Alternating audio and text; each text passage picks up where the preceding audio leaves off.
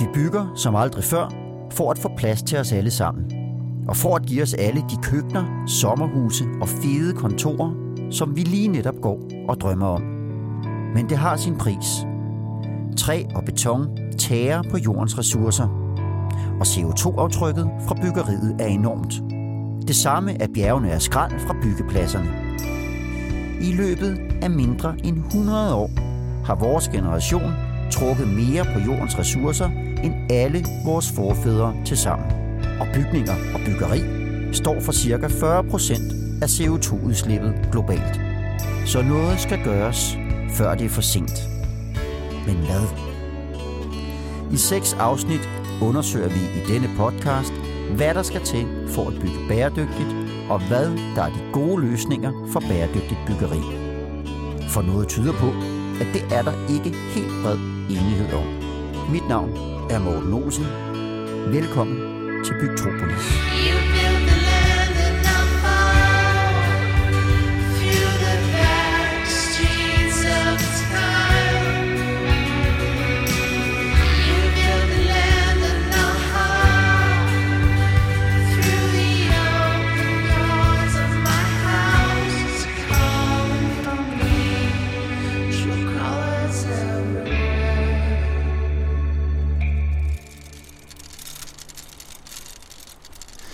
Vejen til helvede er brolagt med gode intentioner.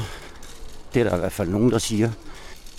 Og gode intentioner er der masser af i byggeriet. Men øh, spørgsmålet er, om vi også kan få dem til at føre til et mere bæredygtigt byggeri. Jeg er i et af Københavns helt gamle kvarterer, Nyboder. Og jeg er på vej ned til øh, Bygherreforeningen, som bor i en flot gammel bygning. Her skal jeg møde Grave Simonsen, som blandt andet sidder med ansvaret for bæredygtig byggeri. Hej Graves. Tak fordi at øh, jeg må komme på besøg herinde hos jer. Jamen, du er meget velkommen. Kan du fortælle mig lidt om det her hus, I bor i? Det er jo et voldsomt flot, stort og gammelt lokale, vi, vi står i her. Ja, det er jo oprindeligt det opført som en pigeskole for søgetatens øh, piger i 1856-57. Og øh, som sådan fungerede det faktisk i en relativt kort periode, så overgik det til Søetaten og blev kadetskole, og så har det haft mange forskellige funktioner gennem tiden, øh, inden det blev til Bygningskulturens Hus, øh, som det har været siden omkring 2000. Fordi det er så gammel en bygning, at den er opført i meget bæredygtige materialer og efter meget bæredygtige principper, så i virkeligheden kan man jo skille den her bygning ad og ikke måske spise den, men, men man kan vel kunne genanvende alle materialerne i andre sammenhænge. Og ved at den også er fredet oveni, øh, som i det her tilfælde, så er der jo også ret begrænset, hvor meget man må gøre ved bygningen. Men det er jo det, vi skal tale om, hvordan I som bygherre kan bidrage til bæredygtighed. Så skal vi, skal vi gå herind. Ja. på dit kontor eller lokalet her. I de første fem afsnit af Bygtropolis har vi fundet ud af, at vi slet ikke bygger bæredygtigt. Men der er rigtig mange, der gerne vil gøre det. Og der var en lille kop kaffe. Det er jeg glad for. Ja, faktisk så mener Dansk Byggeri, at det er nødvendigt, hvis virksomhederne skal overleve. Vi har også fundet ud af, at man kan genbruge meget mere, end vi gør nu. Vi kan også bygge meget mere i træ, og vi kan bruge meget mindre beton til at bygge det samme, som vi gør i dag.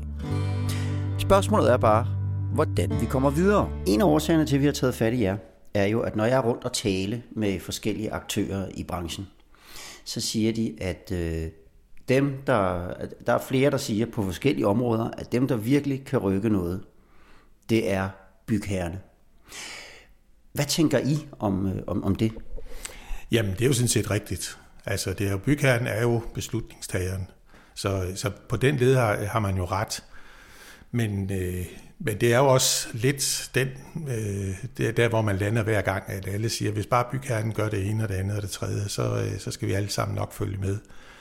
Men sådan er tingene jo ikke helt skruet sammen. Når vi snakker bygherrer, så skal vi jo også have brugerne med i, øh, i det her, fordi bygherrerne bygger for brugerne.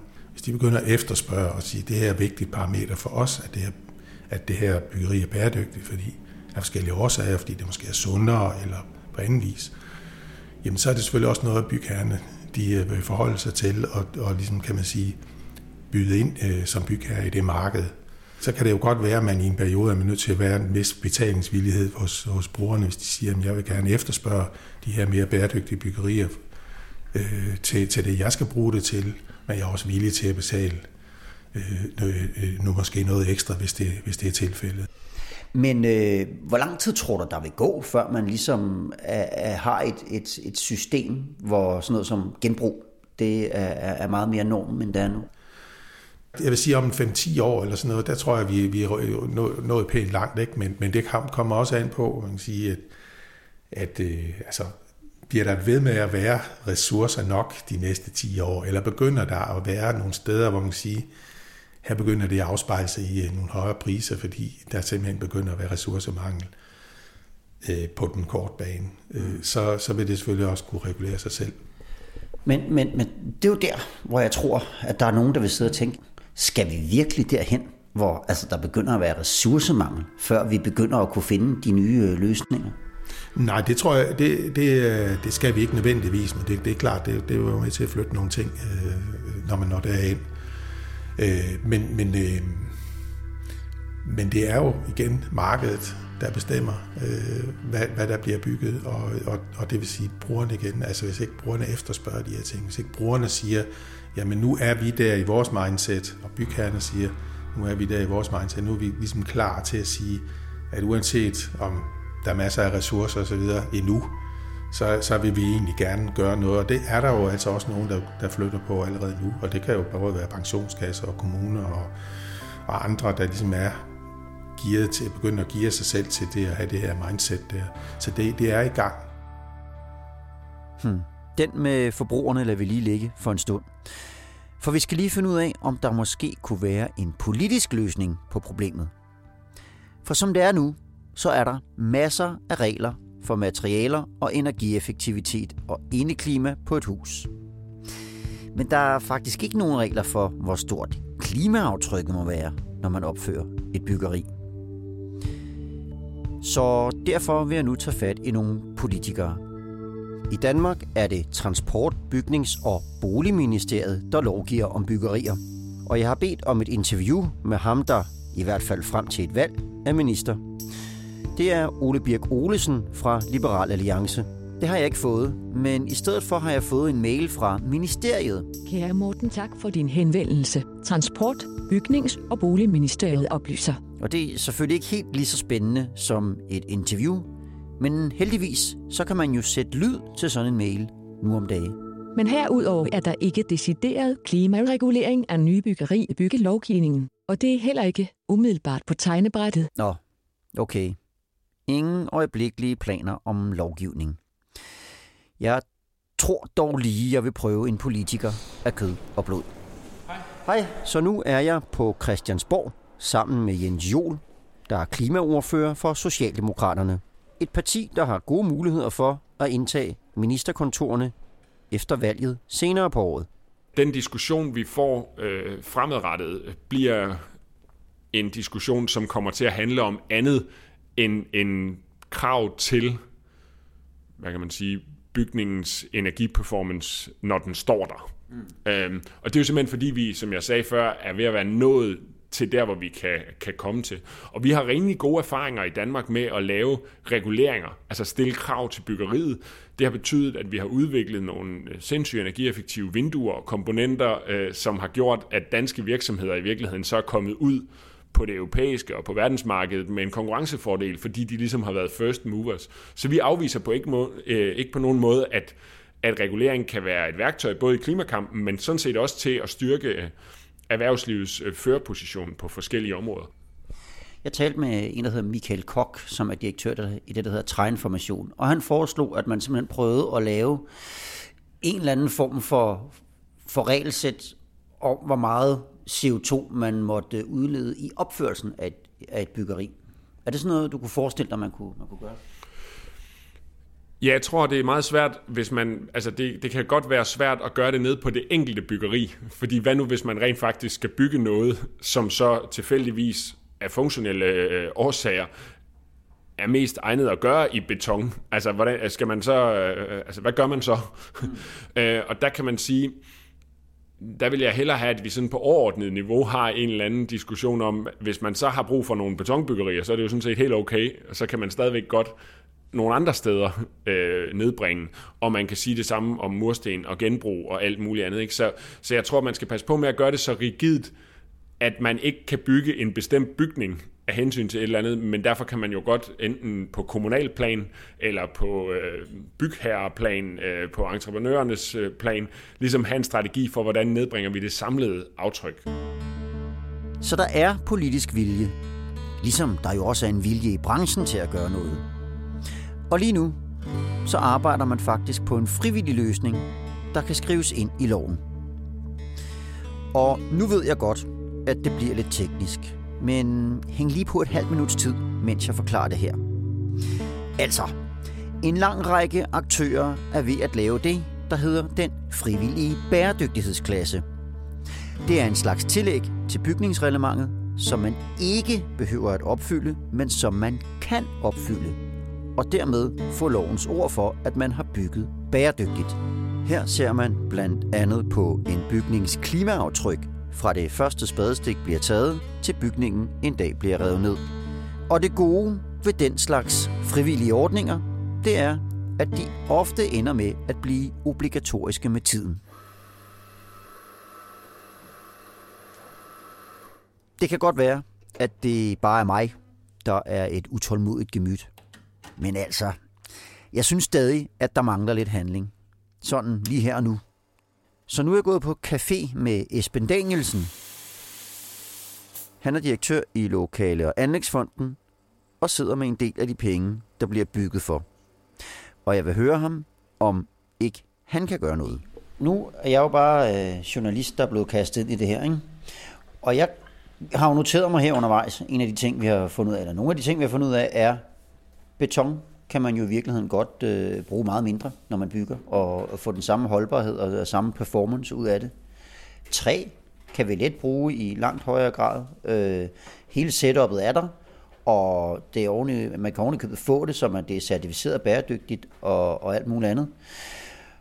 Og så kan jeg jo ikke lade være at tænke, hvorfor går vi ikke bare i gang?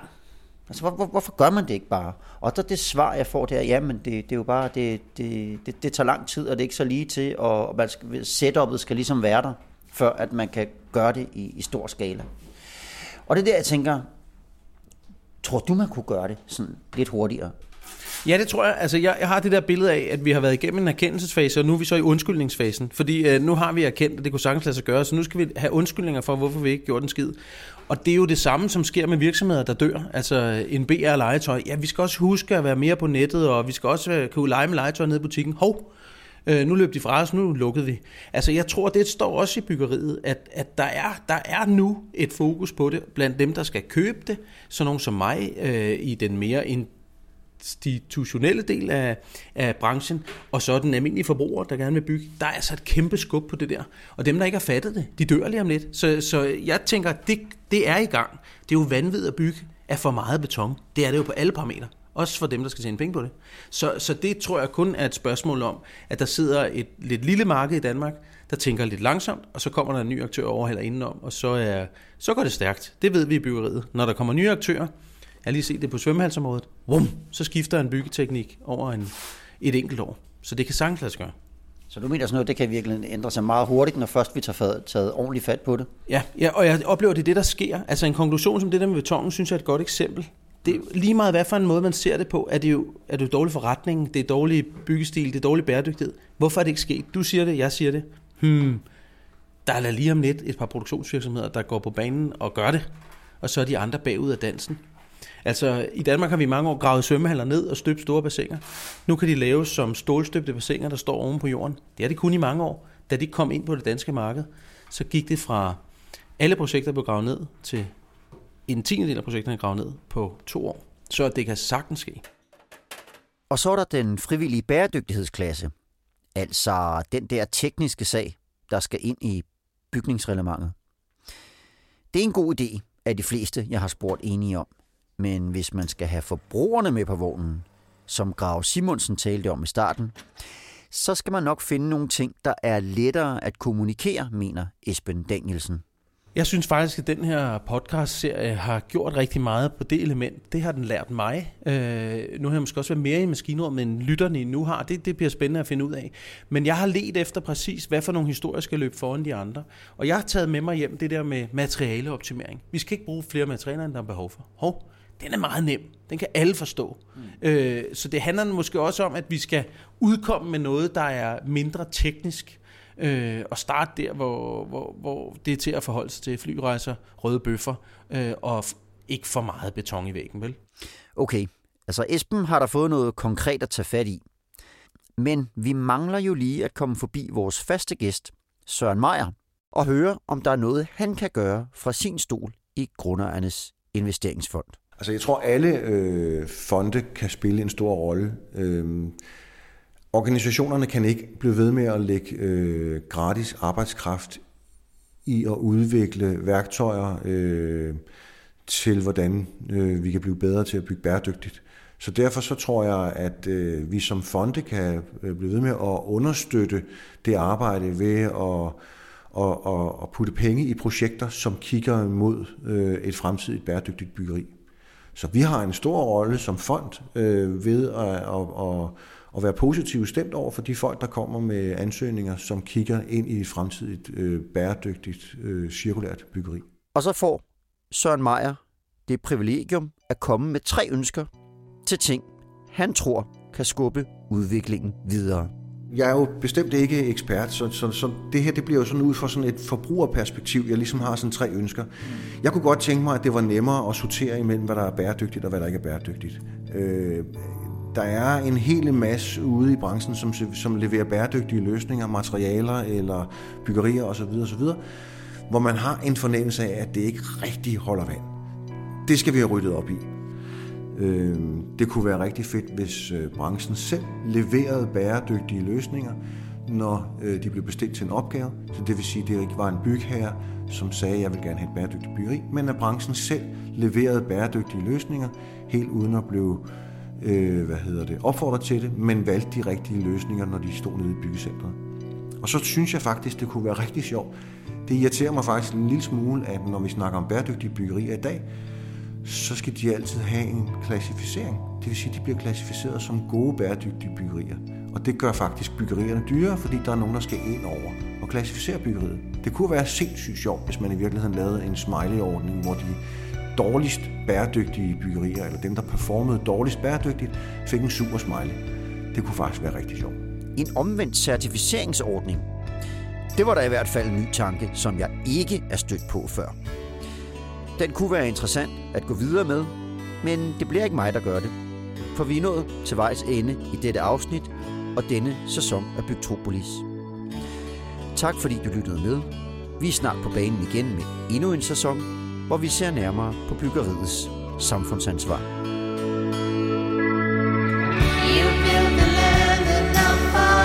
Podcasten Bygtropolis er produceret af Morten Olsen og Munk Studios i samarbejde med Bark Rådgivning og med støtte fra Lokale- og Anlægsfondet og Grundejernes Investeringsfond. Intromusik og lyddesign er produceret af Martin Grønne.